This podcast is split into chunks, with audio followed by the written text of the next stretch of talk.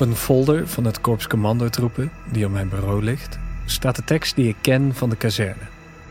Direct wereldwijd inzetbaar voor speciale operaties. Elke keer als ik die zin lees, weet ik, dit kan nu aan de hand zijn. Terwijl ik een kom yoghurt eet en naar een YouTube-filmpje kijk, kan er een commando ergens in het diepste geheim een speciale operatie uitvoeren. In het vorige seizoen keken we veel naar dat soort missies. Missies waar tot dan toe nog maar weinig over bekend was. Veel van het werk dat het korps commandotroepen doet is onzichtbaar. Voor de veiligheid van de missie, maar ook voor die van henzelf en hun familie. Maar wat als je als commando opeens midden in de schijnwerpers staat? Wat als heel de wereld naar je kijkt?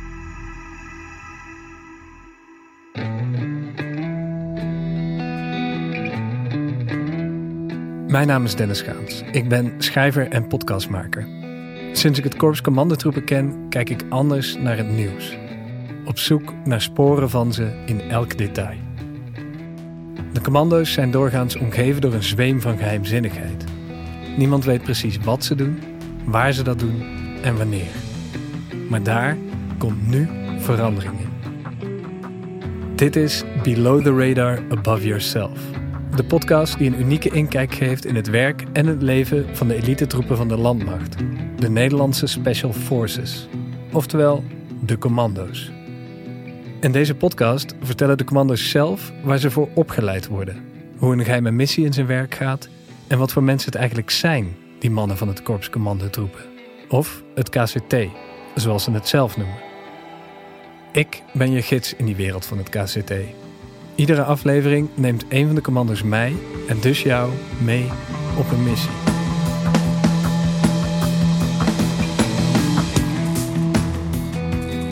In deze aflevering bespreken we de evacuatie van Nederlanders en Afghanen uit Kabul nadat de Taliban in onvoorstelbaar tempo Afghanistan heeft ingenomen.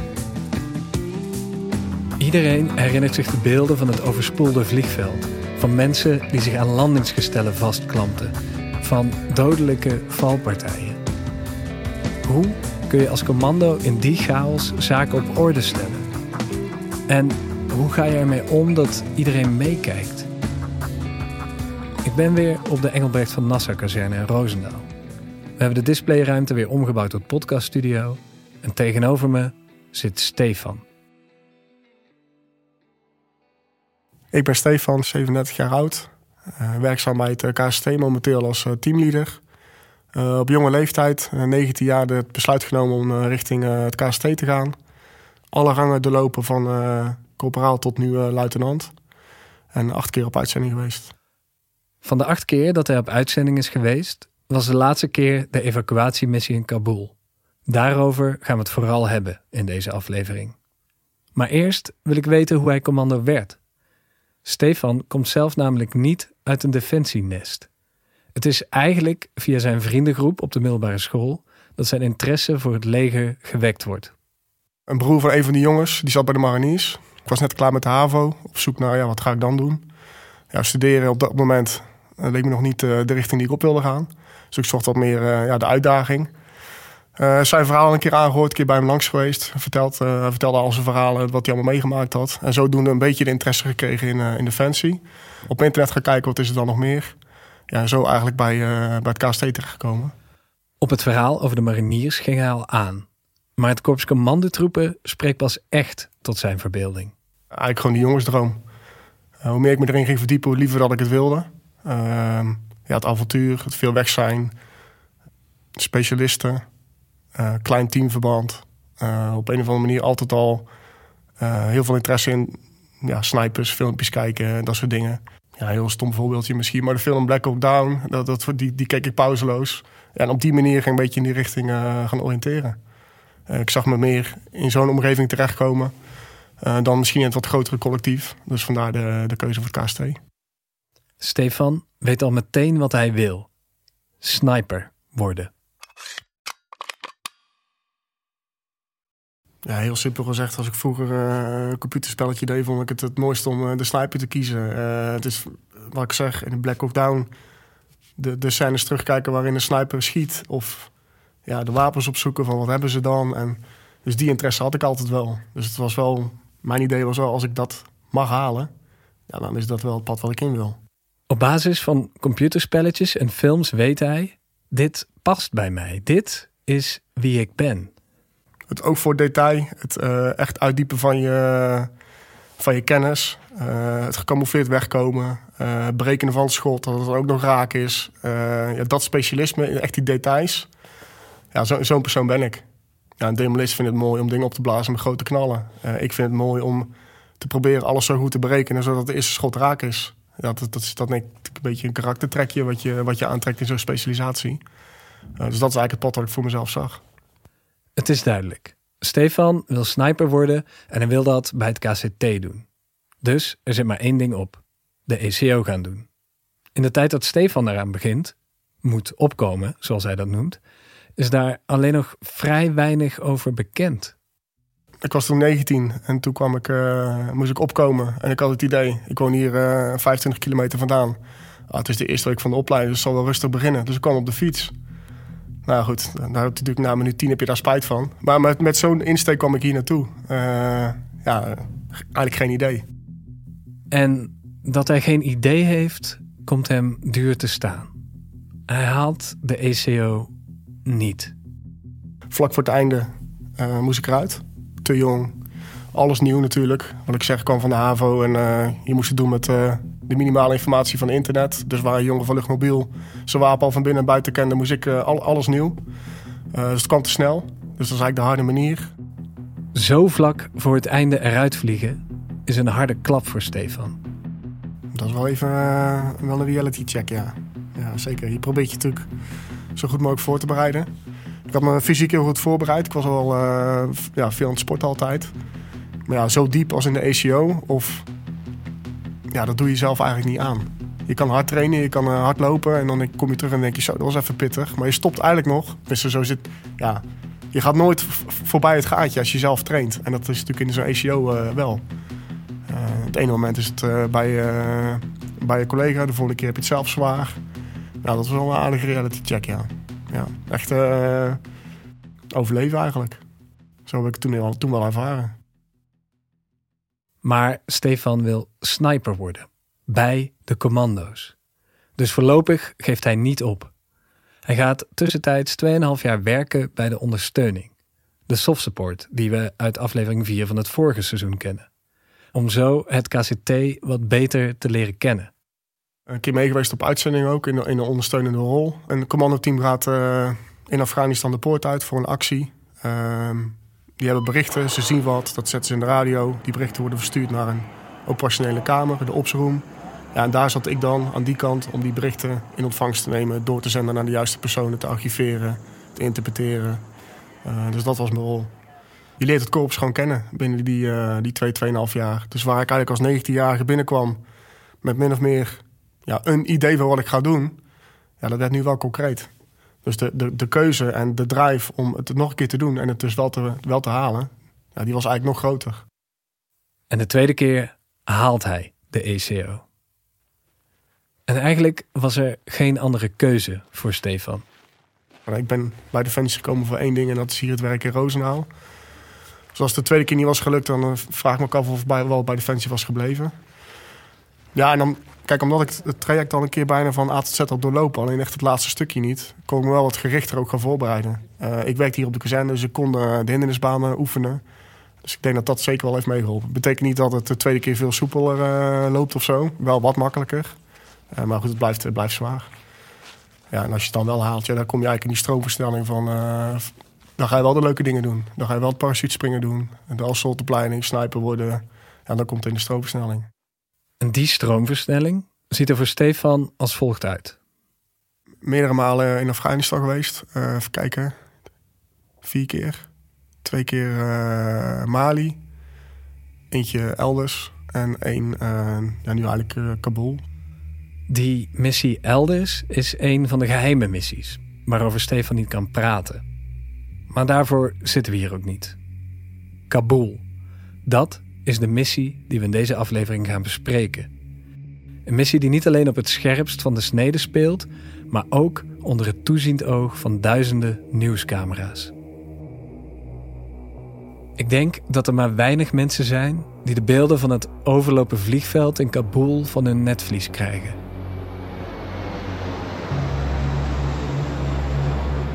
De Afghanen die aan vliegtuigen gingen hangen, van vliegtuigen vielen. Alles om maar weg te komen uit de stad die in augustus 2021 weer in handen is van de Taliban. Maar hoe kon het zover komen? Op 14 april van dat jaar geeft Amerikaanse president Joe Biden een persconferentie. Waarin hij aankondigt dat de Amerikanen zich terugtrekken uit Afghanistan. After consulting closely with our allies and partners, with our military leaders and intelligence personnel, with our diplomats and our development experts, with the Congress and the Vice President, as well as with Mr. Ghani and many others around the world, I've concluded that it's time to end America's longest war. It's time for American troops to come home. De overeenkomst tussen de Taliban en de VS ligt er al langer, maar komt nu daadwerkelijk tot uitvoering. Begin mei begint de NAVO met het terugtrekken van troepen uit Afghanistan. En vrijwel meteen breken er gevechten uit tussen de Taliban en de Afghaanse regering.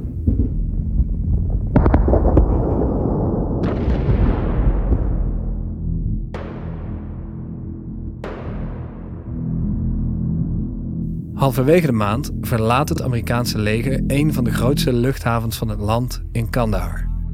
En daarop nemen Taliban-strijders de Wardak en Ghazni-provincies in.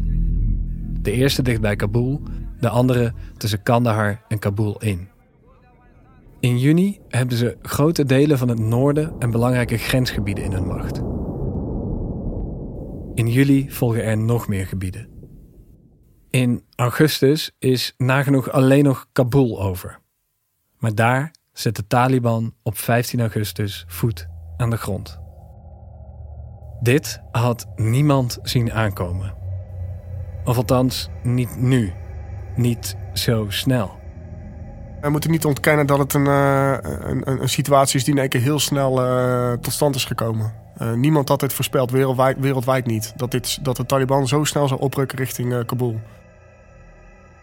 En ook Biden moet het toegeven.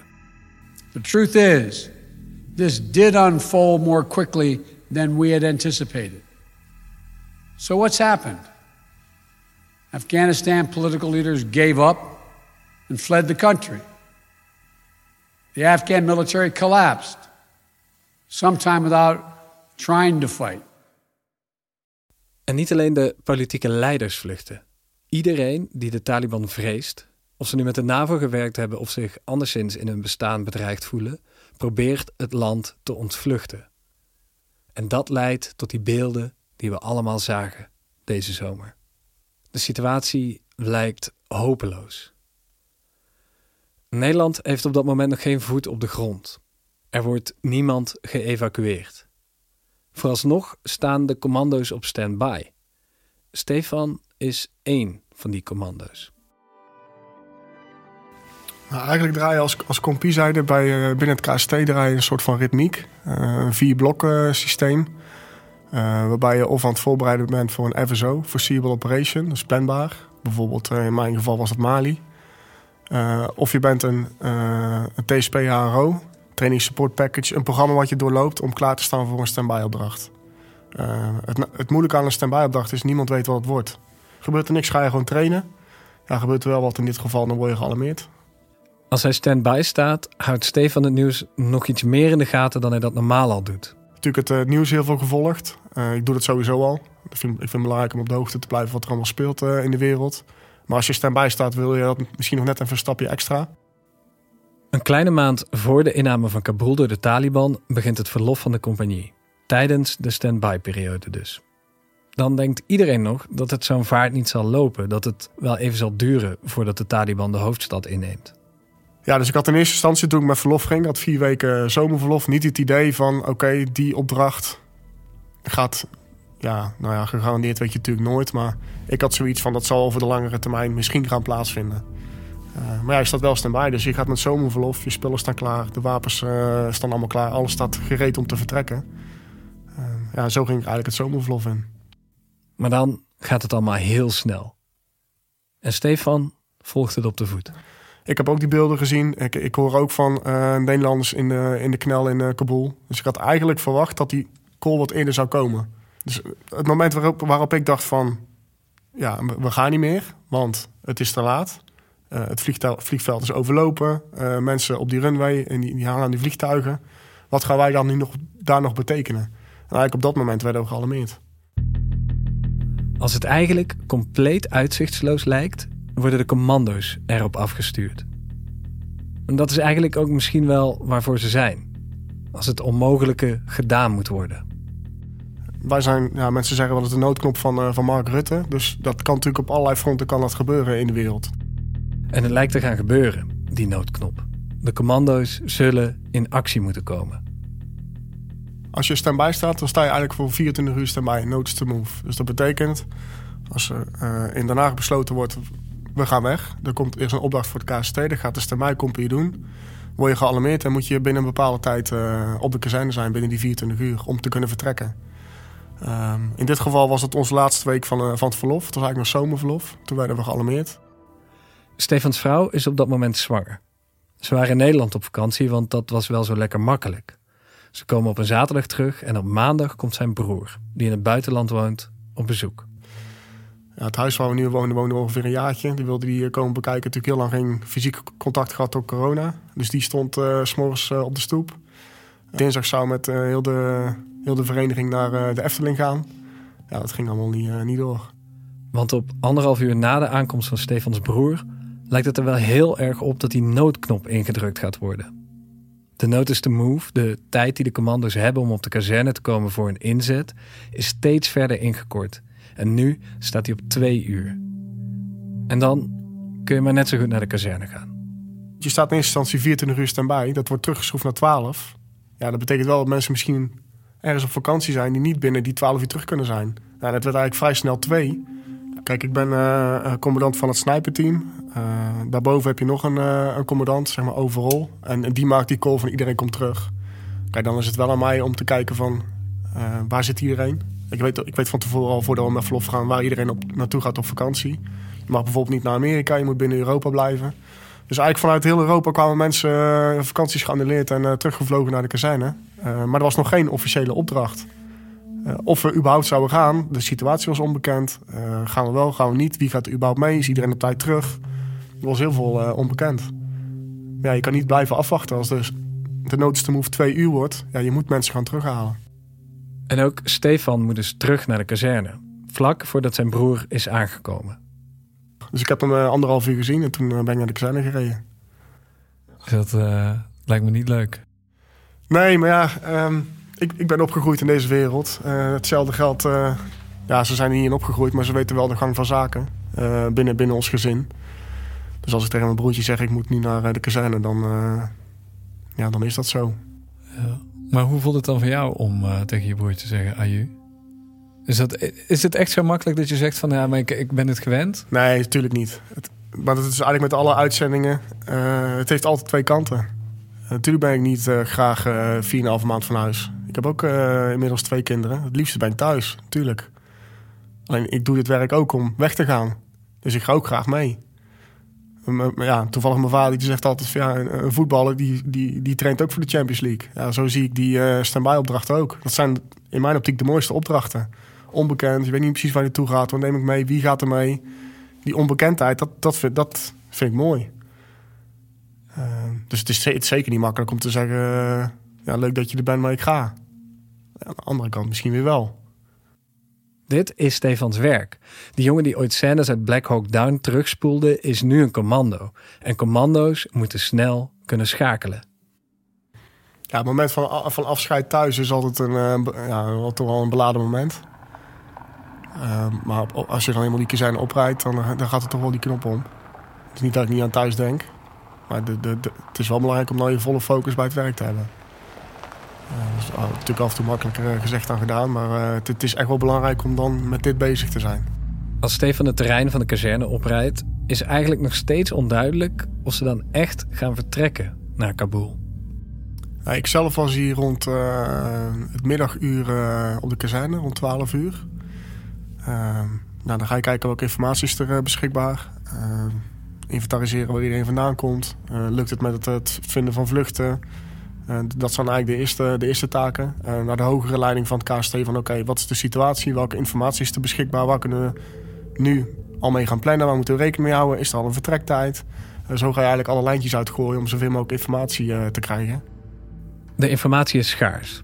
Het enige wat ze op dat moment kunnen plannen is wie gaat er mee. Het KST wordt gealarmeerd, maar dat gebeurt natuurlijk veel, veel breder. Uh, ook de, de luchtmacht wordt gealarmeerd. Uh, er gingen mensen van buitenlandse zaken mee. Er ging een element van uh, de Marshof mee. De Special Operations Forces van, van, de, van de marine.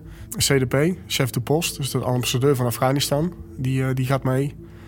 Een SCOT-team, een snel consulair ondersteuningsteam die uiteindelijk verantwoordelijk zijn voor het valideren van paspoorten die de mensen later aan ons gaan, eh, gaan afgeven. Dus die gaan controleren of de Afghanen die wij selecteren wel of niet mee mogen. Uh, de BSB, een uh, eenheid van de Marseille, die is verantwoordelijk voor de beveiliging van uh, zowel Scott als van de CDP. Dus zo wordt eigenlijk het team wordt, wordt samengesteld. En al die elementen die samen deze eenheid moeten gaan vormen, ontmoeten elkaar pas als de noodknop daadwerkelijk is ingedrukt op het vliegveld in Eindhoven. Dus ik was hier, waren we intern, alle spullen stonden klaar. We zijn gaan slapen hier en in de nacht, uit mijn hoofd rond een uurtje of drie, zijn we richting Eindhoven gegaan, Eindhoven Airport. buitenlandse zaken, KST, Marshof, BSB, CLU, alles kwam daar pas voor het eerst bij elkaar. Dus daar begin je eigenlijk de eerste puzzelstukjes een beetje te verzamelen. daar ja, kwads wel mee, niet mee ja, daar ga je op een gegeven moment over nadenken. Het moment dat we hier weggingen was er vrij weinig duidelijk. Is de, de, ambassadeur van Afghanistan daar weg met het beveiligingsteam? Zitten ze er nog? Het, het, enige wat we eigenlijk bij vertrek wisten, met wie we zouden gaan... en dat we via Islamabad zouden gaan. En dat was ja, min of meer het enige wat we wisten. En om 11 uur was alles beladen en zijn we vertrokken in de ochtend, rond die koers. Ze weten met wie ze gaan en hoe ze gaan. En ze weten wat ze te doen staat. De, de missie was heel simpel: mensen ophalen? Eigenlijk ja, ja min of meer wel. Het, het, het garanderen van de veiligheid van het complete eh, element. Uh, en haal uh, 440 Nederlanders op. Geïdentificeerd om naar Nederland te mogen. Dat was eigenlijk de opdracht waar we mee weggingen. Maar zo simpel als dat klinkt, was het natuurlijk niet.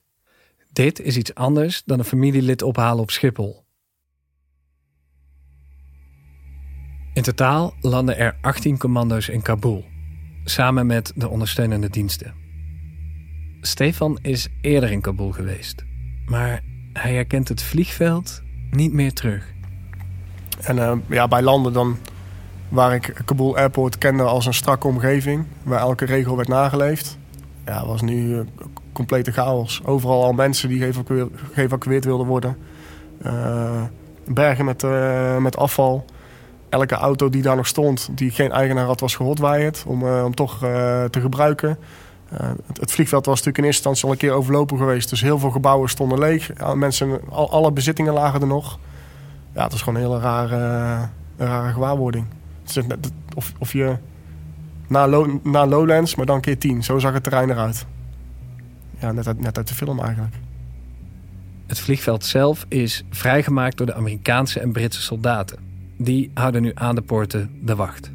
Toen wij daar aankwamen, waren alle burgers weer buiten de poort. Dus de, de beelden van mensen hangen aan het vliegtuig, dat was eigenlijk net achter de rug. Maar ja, het was wel een hele vreemde situatie. Er waren heel veel Amerikanen ingevlogen die verantwoordelijk waren voor de, voor de veiligheid, samen met de Engelsen. En die hadden eigenlijk rondom het hele vliegveld hadden ze een soort van uh, ja, beveiligingsring uitgezet. Nou, je moet je voorstellen, dan krijg je het hek. En aan de andere kant staat de Taliban. Dus ik dacht van ja, dat, kijk, de, hele reden dat we konden evacueren was omdat de Taliban het toeliet. Tot een bepaalde datum. En met toelaten is ook alles gezegd. De sfeer rondom het vliegveld is gespannen. Alsof er elk moment iets kan gebeuren. Er staan dan Amerikanen die de opdracht hebben gehad, wat er ook gebeurt. Dat, vliegtuig, dat vliegveld wordt niet meer overlopen, want er kan er niemand meer weg. Dus die staan op een bepaalde insteek. Die jongens draaiden ja, 24 uur per dag draaiden ze ongeveer door. Met, met, met Amerikanen. Dus die, die lagen naast die poort te slapen. Wakker worden en je bent er weer van. Dus die raken natuurlijk emotioneel uh, uitgeput. De Taliban staat tussen die menigtes met de zweep. Die slaat mensen uh, ja, uh, in elkaar. De Amerikanen willen die mensen tegenhouden, die lopen te drukken. Dus steungranaten, waarschuwingsschoten in de lucht. Ja, die menigte kan geen kant op.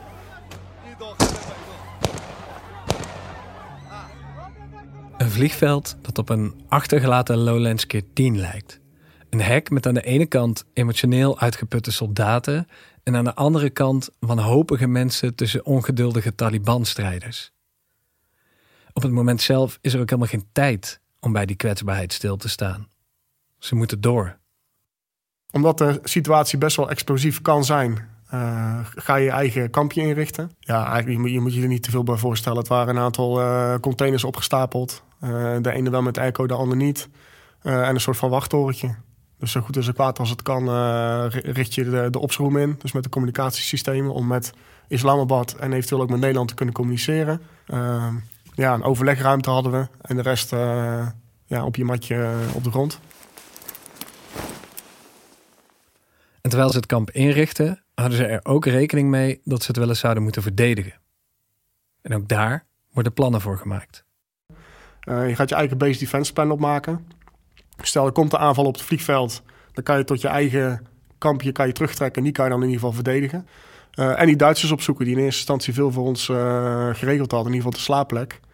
Ik, ik als teamleader ben betrokken geweest bij het opzetten van het kamp. Een andere teamleader ging met, met de commandant een, een SA-rondje doen op het vliegveld. Dus langs de poorten. Die Duitsers zaten er al een, een, paar dagen. En die maakten inzichtelijk hoe, het, hoe het eraan toe ging. Ja, en toen werd er eigenlijk wel duidelijk van... dit wordt er wel een, een pittige opdracht. Terwijl Stefan met een deel van zijn medecommandos het kamp opbouwt... gaat een ander deel SA doen.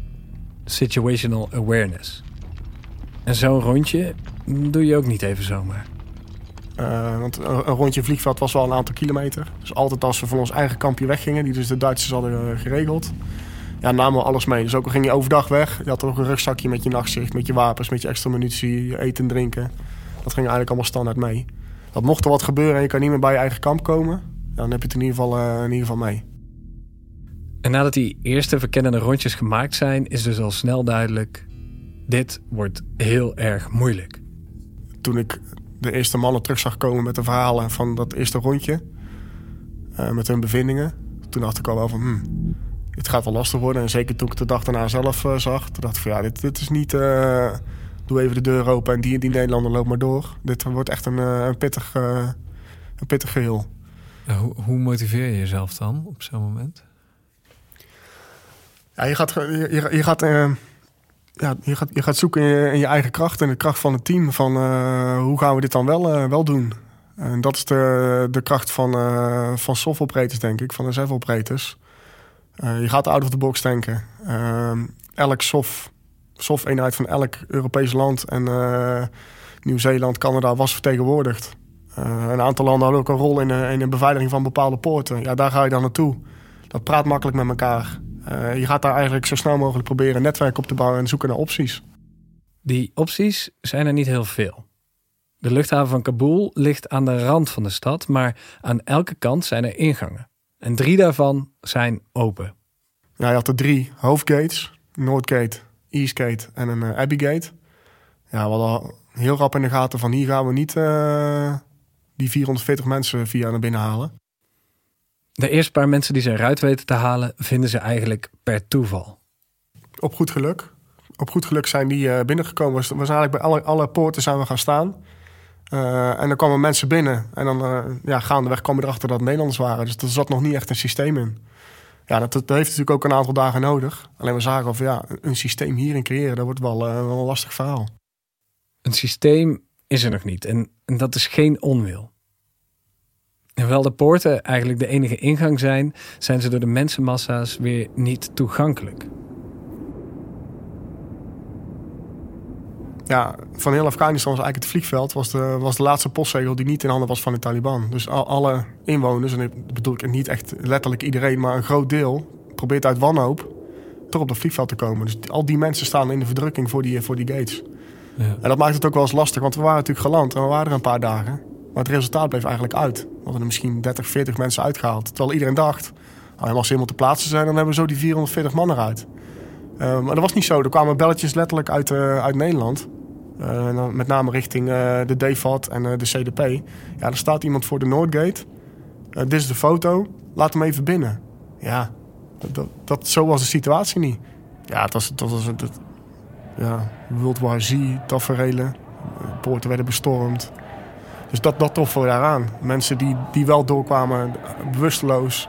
Kinderen die in prikkeldraad waren gevallen. 40 graden overdag. Ja, dat, is, dat was een situatie waar, waar, je niet... Nou, dat wens je niemand toe. En je gaat zeker niet zeggen tegen een Nederlander die in de stad zit... ja, sluit maar aan in de rij en dan zien we je straks. Dat is, dat is een, proces van dagen. Ja, en dan is nog maar de vraag of die er, hoe, hoe die er überhaupt aan toe is. Het is onmogelijk om iedereen aan te laten sluiten in de rij... en door de poort naar binnen te halen. Er zijn simpelweg te veel mensen. En de situatie is, om het zachtjes uit te drukken, onveilig. En terwijl Stefan en zijn collega's zoeken naar manieren om zoveel mogelijk mensen toch binnen te halen, komt de volgende klap. De Amerikanen sluiten de eerste poort. De Northgate gaat dicht. Als wij mensen geïdentificeerd hadden en die vlogen dan van Afghanistan naar Islamabad. De Amerikanen deden hetzelfde, maar die vlogen naar Qatar. En in Qatar werden de mensen verder, uh, verder gestuurd naar andere locaties. Alleen Qatar raakte vol. En een meerderheid van mensen die binnenkwam, mocht uh, naar, uh, naar Amerika. Maar ja, als je ze vervolgens niet kan uitvliegen, ja, kan je ze ook niet binnenlaten. Dus wat gebeurde er? Die gates gingen dicht. Ja, dat is leuk. Maar dan sta je als Nederlandse SF-operator staan aan de andere kant. En je ziet een Nederlander staan, maar die gate gaat niet open. Het is niet zo van, oh ja, staat in rij 4, dus even die poort open, dan mag hij door. Dat, dat, dat gaat niet. Zo'n zo situatie was het niet. Het was zo druk, zoveel ja, in, in, in de verdrukking. En sterker nog, als de Amerikanen zeggen die poort is dicht, ja, gaat hij niet open. Dus dat was al uh, een heel lastig begin van, uh, van de operatie. Omdat het vliegveld van Qatar, waar de Amerikanen hun evacuees naartoe sturen, vol is, moet de poort dicht.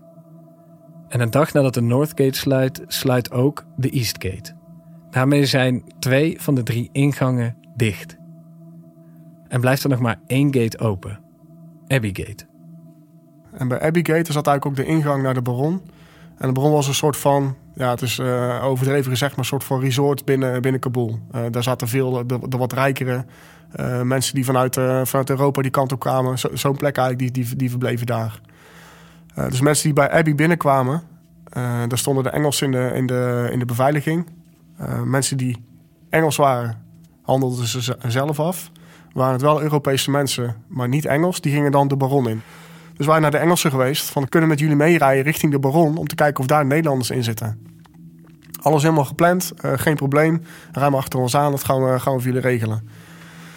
Gaan we morgenochtend gaan we dat doen. Ehm, maar de dag ervoor, toen we eigenlijk aan het plannen waren en het plan was eigenlijk net klaar, hadden in die middag hadden de Engelsen nog een, uh, een rit staan. Dus dat is nog even te vroeg. Morgenochtend kan je aansluiten, deze middag nog niet. Ja, toen is het zo druk geworden dat er ja, een aantal mensen zijn omgekomen, Afghanen zijn omgekomen. Die zijn gewoon verdrukt tegen de auto's van de Engelsen. Uh, dus dat plan, ja, dat is dan helemaal uitgewerkt. Eigenlijk staan alle afspraken, alles staat op groen. Alleen ja, dat, dat, dat was dan in één keer weer een optie die dus niet meer werkt. Dus de Engelsen zeiden logischerwijs, ja, dat gaan we niet meer doen. We gaan zo niet meer naar die bron rijden. Ja, en, zo liepen we een aantal keer. Ja, dan willen we met de ladders. De Amerikanen wilden dat weer niet. Je kan natuurlijk niet zomaar met die ladders gaan werken. Uh, dan, dan, krijg je hele rare situaties met Amerikanen die vanuit de lucht met alles meekijken. Nou, zo waren we, waren we aan het zoeken. Uh, ja, om maar te voorkomen dat we die mensen bij die andere gates moesten laten aansluiten. Waar ze in de verdrukking komen. De Abbey is inmiddels zo druk dat de Baron, het luxe resort dat ernaast ligt, niet meer bereikbaar is. Ladders zijn uitgesloten. De commando's kunnen de ene naar de andere optie doorstrepen. De enige gate die nog open is, is Abby. Maar zoals al duidelijk was, daar in de rij gaan staan en hopen dat je eruit gepikt wordt, is niet heel kansrijk. Ja, en dan komt de kracht van, oké, meedenken, voel je verantwoordelijk, uh, out of the box denken. Uh, als je een idee hebt, uh, zeg het. We kwamen er eigenlijk achter dat als je niet de verdrukking inloopt, maar eigenlijk langs het hek blijft ventrailen, dan kom je bij, die beelden hebben heel veel mensen denk op nieuws gezien bij het open riool. Kom je hier bij de achteringang van de Abbey Gate uit. En dit is een ja, soort van sluiproute. Dus overal had je hier ook wachttorens staan waar de Engelsen in stonden. En iedereen die hier ja, per ongeluk of expres in ieder geval kwam aanlopen, kreeg waarschuwingsschoten in de grond. Dus wij zeiden tegen die Engelsen: uh, Er komt nu een gezin aanlopen van vijf. Dat zijn Nederlanders. Die pikken wij hier op en die halen we eruit. Vind je dat een probleem? Nou ja, dat is geen probleem. Dus zo je eigenlijk de eerste. Het eerste gezin relatief... Nou ja, die was natuurlijk al wel heel erg vermoeid. Maar binnen 20, 30 minuten stond hij van Eastgate... in plaats van aansluiten... langs het hek stond hij voor onze neus bij uh, de achteringang van Abbygate. En, zo kwam eigenlijk... Uh, dat werd aangedragen door een van de corporaals uit de teams. Ja, dat ga je meteen uitwerken. En dat, dat was eigenlijk het eerste uh, succesje... het eerste licht van de operatie. Een succes. Via een sluiproute die langs een open riool leidt, komt het gezin dat ze eerst teleur moesten stellen bij de commando's uit. Deze route werkt, dus die gaan ze vaker gebruiken. We hadden de, dat gezin dan, uh, uh, ja, dat was het eerste, succes. Zeker omdat je tegen hun zegt springen aan het weiland en dat lukt vervolgens niet, het vervolgplan. Als je ze dan toch uithaalt, ja, dat voelt wel, dat voelt wel goed. dus eigenlijk dezelfde nacht zijn de DFAT en de ambassadeur het ambassadepersoneel van de ambassade in Kabul gaan contacten met de informatie van, oké, loop deze route, collectief. Dat was een groep van ongeveer 200. En die verschenen de volgende dag verschenen ze op, uh, op die locatie, uh, bij, uh, tegen de muur van de, van de aan. Ja, die hebben we er eigenlijk in zijn geheel uit kunnen halen. Alleen dan zie je dus, andere landen zien dat ook. Die gaan ook contact, contact leggen met de mensen die van hun nog in die stad zijn. Ja, en de dag daarna is dat geen optie meer. Dan is het bijna net zo druk bij deze gate als bij anderen. Uh, dat was continu de uitdaging. Hoe gaan we ze eruit krijgen? En dan heb je, heb je een goed plan wat goed werkt. Ja, dan gaat de rest het nadoen. Dat, dat, maakt het lastig. Nou, we waren wel in de veronderstelling van... van alle opties die we hebben, is dit de beste. Het verbaasde me eigenlijk dat we... dat, dat ambassadepersoneel, heel de groep van 200 hadden we eruit. Um, en s'nachts stonden we daar weer. en toen waren eigenlijk bijna het enige land die, die daar stond... Dus toen hebben we diezelfde nacht ook nog een flinke klappen kunnen maken. Heel veel mensen er die nacht ook kunnen, uit kunnen halen. Alleen de volgende dag ja, gaat dat toch weer rondzingen. Dus ook dat s'nachts werken. De, nacht erop stond iedereen daar. Eigenlijk ook weer een soort van ja, geluk bij een ongeluk of je kansen zien. Het is maar hoe je het interpreteert. Op een gegeven moment stond er een man uit Rotterdam. Sprak feilloos Nederlands. Ook met, met accent, alles erop en eraan. Was daar op vakantie. overvallen door de snelle acties van Taliban en kon daar dus niet meer weg. Was zelf bij ons terechtgekomen, maar zijn gezin stond nog verder aan de overkant van het riool. Ja, toen zei tegen hem, ja, eh, het is inmiddels zo druk hier. Je kan nog wachten tot ze uiteindelijk uh, is aangesloten. Of je zegt tegen haar, ja, hoe ranzig het ook is, want het is een open riool. Kom door het water, dan ben je binnen 10 minuten sta je hier samen. Nou, die, die zei van, uh, door het riool, dat, dat nemen we voor lief. Dus die gecommuniceerd met zijn vrouw en die stond dus daadwerkelijk binnen een paar minuten stond die compleet naast ons. De route om het riool heen zit inmiddels ook potdicht door de mensenmassa's. En als je niet om het riool heen kunt, moet je maar door het riool. Smakelijk is het niet, maar het werkt. Tenminste. Nou, zeg je tegen die vrouw: spring in het riool, springen er 25 andere mensen mee. Uh, dus de Engelsen die daar verantwoordelijk waren voor de veiligheid, die vonden dat natuurlijk niet zo'n goed idee. Uh, maar goed, omdat we al langere tijd bij die gate staan en ook ja, een beetje je social skills dan probeert toe te passen. Een band is een groot woord, maar je krijgt wel een soort van connectie met die, uh, met die Engelsen. Dus we hebben op dat moment ook besloten van, ja, we ondersteunen jullie met die beveiliging. Want we hadden ook in de gaten, ja, de enige optie om mensen er echt goed uit te krijgen is via dit punt, door het riool. Uh, en niet via die andere gates. dus we hebben daar 24-7 gestaan. Die Engelsen ondersteund met ja, tegenhouden van mensen die er zelf uit wilden klimmen. En tegelijkertijd waren we in staat om de Nederlanders te, Nederlanders te identificeren en die eruit te halen. Doordat ze de Engelsen gaan helpen met de beveiliging, kunnen ze de mensen die door mogen naar Nederland eruit halen en identificeren. Maar hoe doe je dat? Hoe kijk je in een open riool en pik je de Nederlanders eruit? Of moeilijker nog, de Afghanen die de Nederlanders ooit hebben geholpen. Dat is natuurlijk een lastig verhaal. Want Nederland had gezegd, uh, je mag iedereen, iedereen die wat betekend heeft voor Nederland, uh, mag, die, mag hier naartoe komen. Dus ook iemand die volledig Afghaans is, uh, maar ja, op een van de kamp heeft gewerkt tijdens, tijdens het Nederlands verblijf in, in Afghanistan, die mogen er allemaal uit. we hadden daar geen, geen tolken ter beschikking. Dus hoe ga je dan interpreteren ja, wie wel, wie niet? Om kenbaar te maken van welke route moet je lopen, hoe kom je überhaupt bij ons uit? zijn de belteams en ja, alle, alle hands aan dek om kenbaar te maken in mensen in de stad. die op de lijst stonden, hoe ze bij ons terecht moesten komen daar. Dat is natuurlijk nog best wel een complex dingetje. Ga naar de Eastgate, hou dan links aan. Maar goed, heel die mail was helemaal uitgetikt. Neem eten en drinken mee. Je gaat de Taliban tegenkomen. Je gaat uh, waarschijnlijk situaties zien die je niet prettig vindt. Hou er rekening mee dat je misschien het open riool moet. Heb je het, neem iets oranjes mee. Blijf doorlopen tot je een oranje vlag ziet. Uh, we hadden een oranje vlag in de hekken gehangen.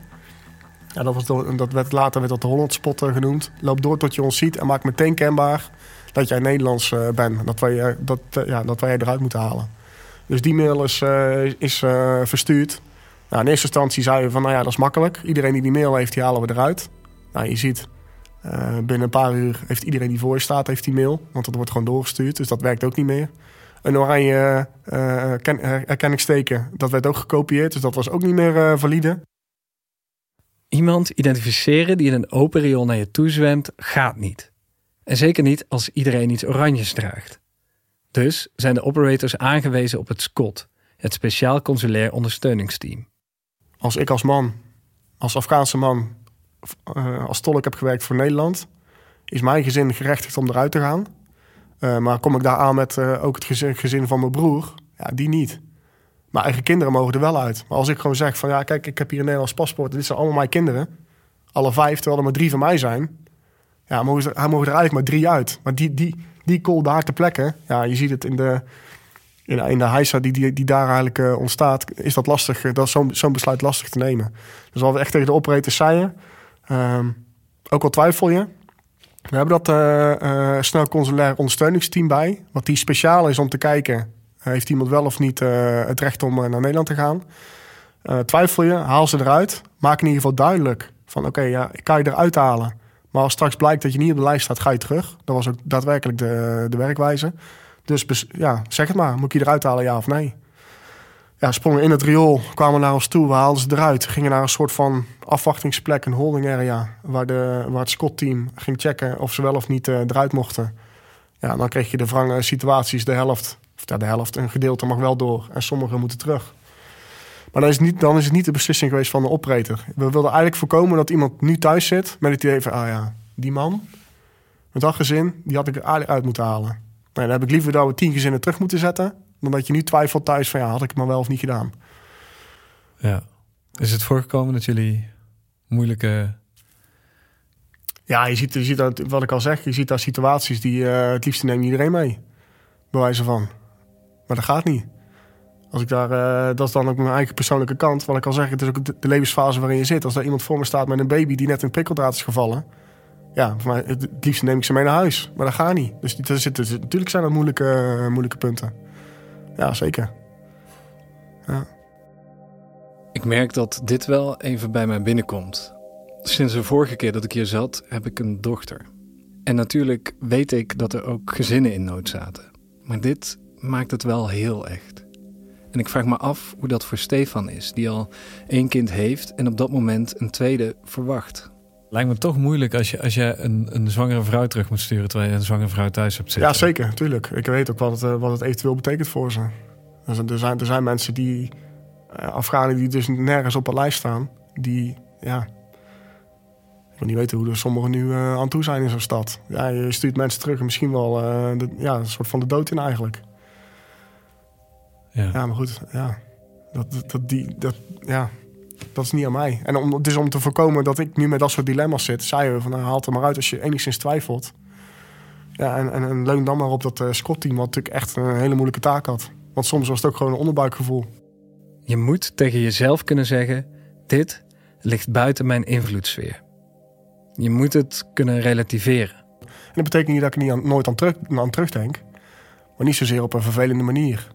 Hetgene wat gebeurd is, is misschien wel vervelend, maar het is niet iets wat continu bij me terug blijft komen, waar ik wakker van lig, nachtmerries, dat soort dingetjes. Eigenlijk allemaal niet. Uh, en ik denk dat, dat, daardoor, mede daardoor, ja, die, die mentale component, uh, dingen een plekje kunnen geven. Ja, dat is een, belangrijk aspect in, in opleidingen. En dat, dat werkt er denk ik wel mee, dat je intense dingen voor jezelf kan relativeren en misschien naar de achtergrond kan drukken. Die mentale weerbaarheid is daarom ook zo belangrijk in de opleiding. Daarnaast moet je altijd op je medecommando's blijven letten. Ja, elke dag elkaar in de ogen aankijken. Van is er iemand die vandaag ergens mee zit? Binnen, binnen onze compie is dat al uh, de soort van ja, the way to go. Uh, zit je ergens mee, zit het thuis niet lekker? Ja, communiceer het dan. Want als ik het niet weet als commandant, kan ik je ook niet ondersteunen. Uh, ook in Kabul hebben we dat heel veel gedaan, zoals dagelijks. Even elkaar aankijken, alles nog goed tussen de oren. Toch een hele rare situatie geweest. Ja, dat is juist ook een beetje, dat is misschien een kant die mensen niet zo verwachten bij, bij de commando. Maar ook de, ja, laten zeggen, de wat soft, softere site is ook heel belangrijk. Maar je ziet gewoon rare dingen, je maakt rare dingen mee. Je moet af en toe beslissingen maken ja, die, die, die normaal mensen over het algemeen niet maakt. Of normaal mensen, andere mensen niet maken. Uh, is wel belangrijk tussen de oren goed blijven zitten. Dus ook voor die softere kant, noem ik dan eventjes zo, is wel veel aandacht. Aan de ene kant word je al veel mentaal getraind. En aan de andere kant is het gewoon belangrijk om ja, te blijven bekijken... is er binnen de groep niemand die, uh, die er echt moeite mee heeft. Uh, en, en, en, de medics die hebben de laatste paar jaren echt gigantische sprongen gemaakt. Ja, die nemen daar dan ook het voortouw in. Van het wordt weer eens even tijd we met elkaar gaan zitten. Je moet elkaar in de ogen blijven kijken. In Kabul moeten Steven en zijn collega's ongeveer elke dag een nieuwe manier vinden om mensen het vliegveld op te krijgen. Ze moeten die mensen die ten einde raad zijn uit een open riool vissen en soms nog terugsturen. En ondertussen tikt de klok door en staat de Taliban nog steeds aan de andere kant van dat hek. Maar dat is niet alles. Door de chaos in de stad is er een nieuwe dreiging bijgekomen. Kijk, aan de ene kant heb je de Taliban. En wat er ook gebeurd was, zoals in de stad, dat er een aantal uh, gevangenissen waren overlopen. Uh, dus alle gevangenen waren bevrijd. En er zaten ook leden van uh, IS in die gevangenis. En Taliban en IS, dat is een aparte stroming. IS vindt dat de Taliban niet hard genoeg optreedt. Dus die hadden er baat bij in hun optiek om de samenwerking tussen de Taliban en de Amerikanen te verstoren. om heel de evacuatie in een slechte daglicht te zetten. Dus we waren ons wel bewust van, oké, okay, er is een dreiging vanuit de Taliban. Wat ik al zei, die rare situatie bij die poorten. Dat je een hek hebt met aan de ene kant Taliban, aan de andere kant een Amerikaan. En aan de andere kant lopen er misschien wel lui van IS rond... die je echt niet gaat zien in zo'n menigte. Die het een en ander gaan, uh, gaan voorbereiden. IS is in de stad. En die zijn bezig de evacuatie te saboteren. De eerste tekenen daarvan zijn al snel te zien. En dat zag je eigenlijk, hoe langer we er waren, zag je al wat kleine incidenten gebeuren. En bij een van de gates is een, uh, een dummy ID gevonden, dus een nep, nep explosief. Uh, in een rugzak. Uh, bij de Noordgate is er vanuit de menigte keer geschoten op een, op een Afghaan die daar ook stond in de beveiliging. Eerst wordt een nep-explosief gevonden en dan schiet een sniper op een Afghaanse beveiliger.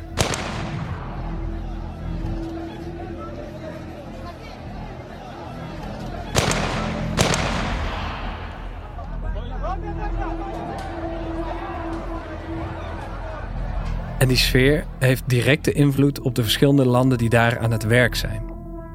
Iedereen voelt de tijd tikken. En de verschillende landen gaan zich meer op hun eigen taken richten. En na het nep-explosief en de sniper dient de volgende dreiging zich al aan. In eerste instantie vanuit de Amerikanen kwam er een, uh, ja, een, een, waarschuwing van let op. Uh, er zijn suicides van IS uh, ja, aan het verkennen.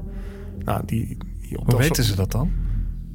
Ja, ik denk dat je dan meer richting het inlichtingenwereldje gaat. Maar er vinden, vinden natuurlijk op allerlei niveaus vinden er gesprekken plaats om informatie te vergaren. Dus misschien dat een Amerikaanse inlichtingendienst contact heeft binnen een Taliban, iemand die het weet. Of misschien wel binnen IS bij iemand die overloopt. Dat, dat is gissen. Uh, maar uit een richting, vanuit de Amerikanen, kwam die, uh, ja, kwam, kwam die waarschuwing. De Amerikanen zeggen dat er naar alle waarschijnlijkheid een zelfmoordaanslag gaat plaatsvinden bij het vliegveld. In eerste instantie gaan de commando's gewoon door met hun werk.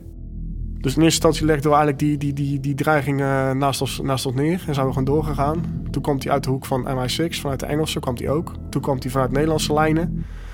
Dus we waren eigenlijk steeds meer van, ja, die dreiging wordt er wel concreter. Waar het eerst was van, ja, ergens rondom het vliegveld gaat dat plaatsvinden. Werd het net, het wordt de Abbey Gate. Nou, de gate waar wij dus volle bak stonden. Ja, dan krijg je de splitsing het, de, moeilijke, het moeilijke besluit. Je bent daar om zoveel mogelijk mensen uit te halen. Uh, maar ja, als die dreiging concreet wordt en hij zet zich af... dan is er een aantal operators staan daar. En er staan misschien wel uh, een x-aantal Nederlanders in dat, uh, in het riool om eruit te halen. dus dan krijg je de beslissing, ja, we stoppen ermee of we gaan door. Inmiddels wordt het steeds waarschijnlijker dat er een zelfmoordaanslag gaat plaatsvinden. Sterker nog, de informatie is zo specifiek dat er zelfs een signalement is. En nu komt er een moeilijke beslissing. Wanneer is de dreiging zo hoog dat je moet stoppen met mensen evacueren? De aanslag gaat waarschijnlijk plaatsvinden bij de Abbey En dat is de enige plek waar Nederland op dat moment mensen kan evacueren. En zelfs dat eigenlijk al niet meer. Want inmiddels hadden ook de Amerikanen de beveiliging al van de Engelsen overgenomen. Want de Engelsen ook al gingen afbouwen. Uh, die hadden eigenlijk al gezegd van je mag er niemand meer uithalen vanuit de Amerikaanse zijde.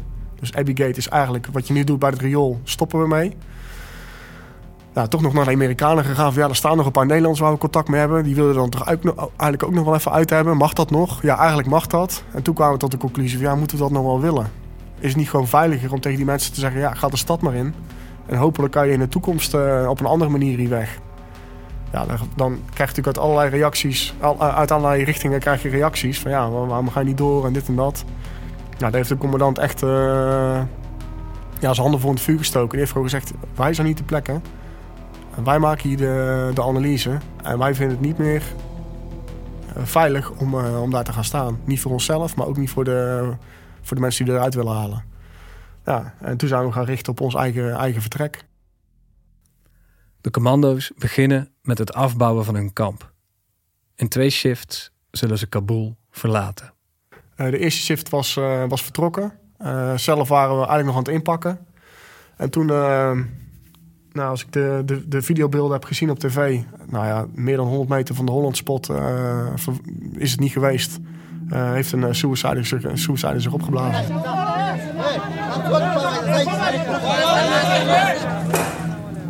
Twee explosies leidden tot minstens 13 doden, onder wie zeker vier Amerikaanse militairen. Groot-Brittannië en de VS waarschuwden vanochtend al dat er sterke aanwijzingen waren voor een aanslag bij het vliegveld. Stefan en zijn medecommander stonden net op het punt om te vertrekken toen de bom afging. Ja, we, we waren eigenlijk letterlijk de, de rugzak op, uh, op het busje aan het gooien. Op het, uh, het voertuig waar we mee in de weer reden. Uh, en toen ging die af. Ja, dan is in eerste instantie natuurlijk inzichtelijk krijgen wat er gebeurt. dus dat base defense plan ging in werking. Iedereen nam zijn posities in. een aantal mensen in een soort van de, de strong room. Dus dat is de laatste kamer. als, als het Stel ze vallen ons kleine kampje aan, dan ga je van het kamp terug naar één eh, specifieke kamer om te verdedigen. Nou, de, hoogwaardige, de, de, de, hoogste ging eigenlijk in die kamer alvast zitten. Die werd door de BSB beveiligd.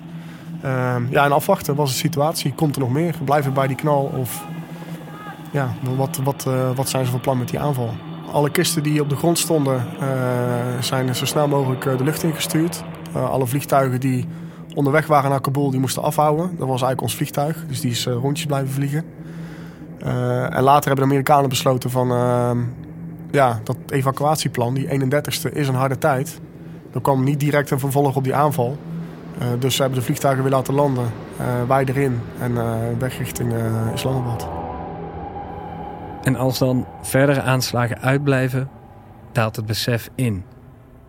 Ze hebben de juiste beslissing gemaakt net op tijd. 13 uh, eh, dode Amerikanen en uh, ja, de Afghaanse slachtoffers weet ik niet, maar heel veel slachtoffers. Dus de beslissing om daar niet langer door te gaan en te stoppen. Als we daar hadden gestaan, waren het ja, minimaal drie van ons. In ieder geval gewond, maar ik, ik vrees uh, erger, erger aan toe geweest. Het resulteerde wel in dat daar geen Nederlanders bij betrokken zijn geweest. Dus dat is dan ja, ergens wel het geluk geweest. Ja, of de, de juiste beslissing. De juiste beslissing, ja. ja. De juiste analyse gemaakt. Dus alle discussies over is het wel of niet het juiste besluit, die waren natuurlijk gelijk overboord. Um, ja, dat is wel heel cru, zo'n einde.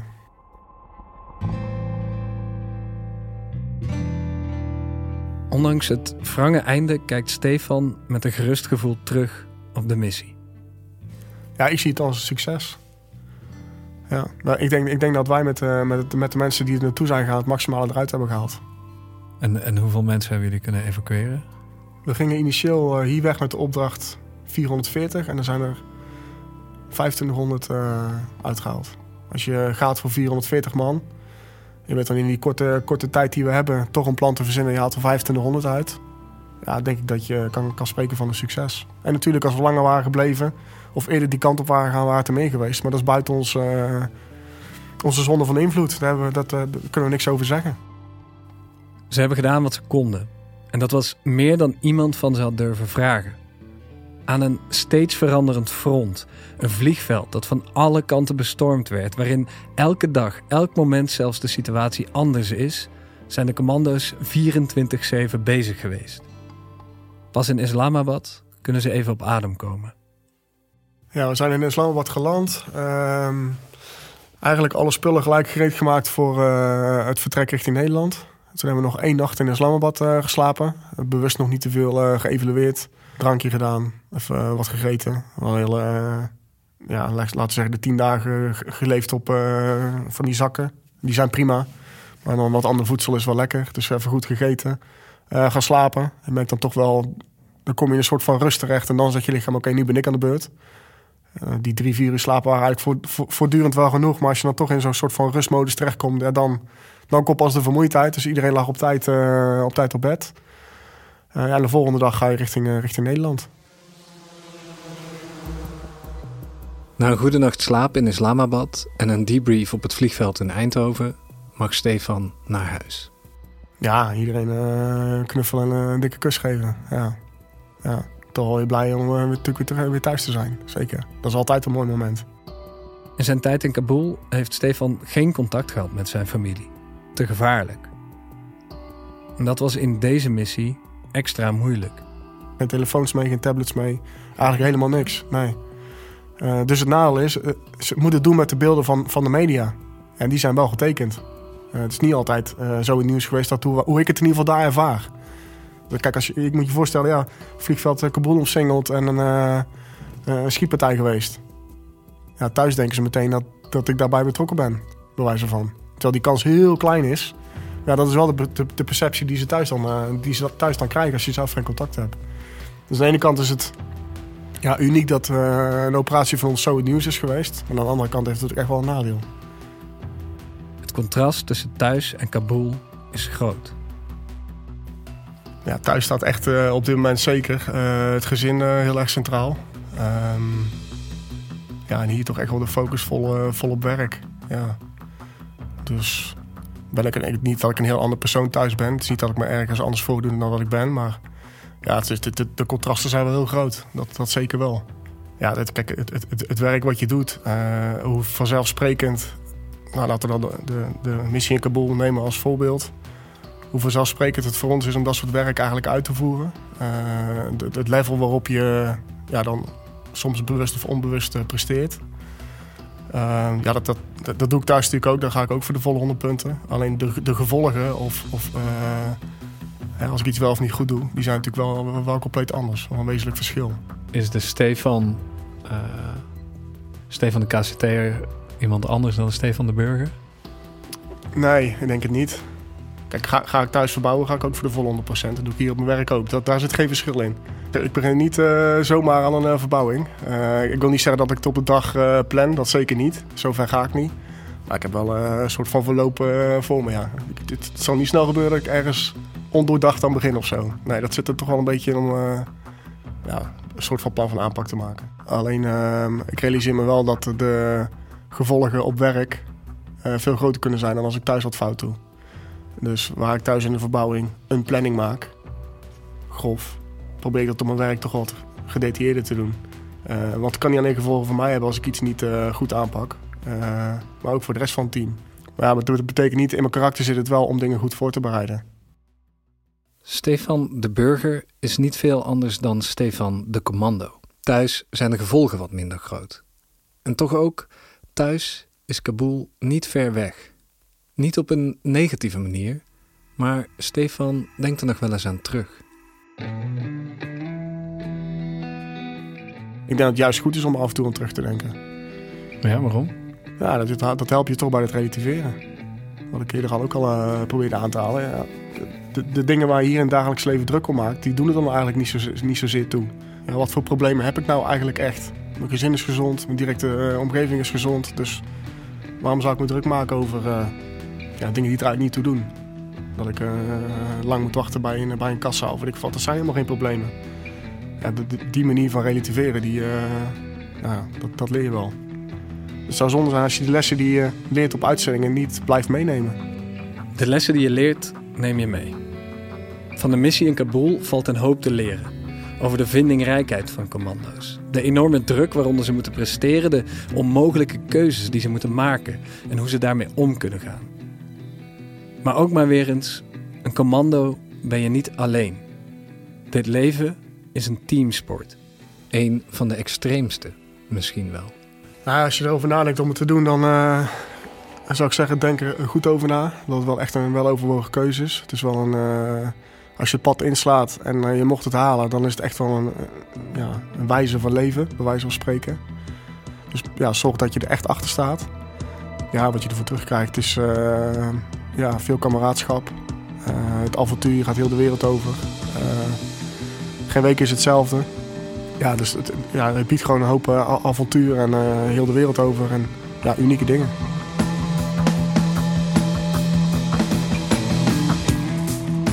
Dit was de eerste aflevering van het tweede seizoen van Below the Radar Above Yourself. Ben je nieuwsgierig geworden naar het leven als commando? En wil je meer weten over de opleiding? Kijk dan op werkenbijdefensie.nl-commando of klik op de link in de show notes. In de volgende aflevering gaan we dieper in op het specialisme dat ook Stefan heeft. Het specialisme dat misschien wel het meest tot de verbeelding spreekt. We gaan het hebben over de sniper. Het, het schieten, kijk, het trekker overhalen, dat kan ik jou zo leren. En hoe je moet liggen, dat is uh, in een uurtje gefixt. Maar het lange afstand schieten met sniperwapens, dat, dat is het mooiste wat er is.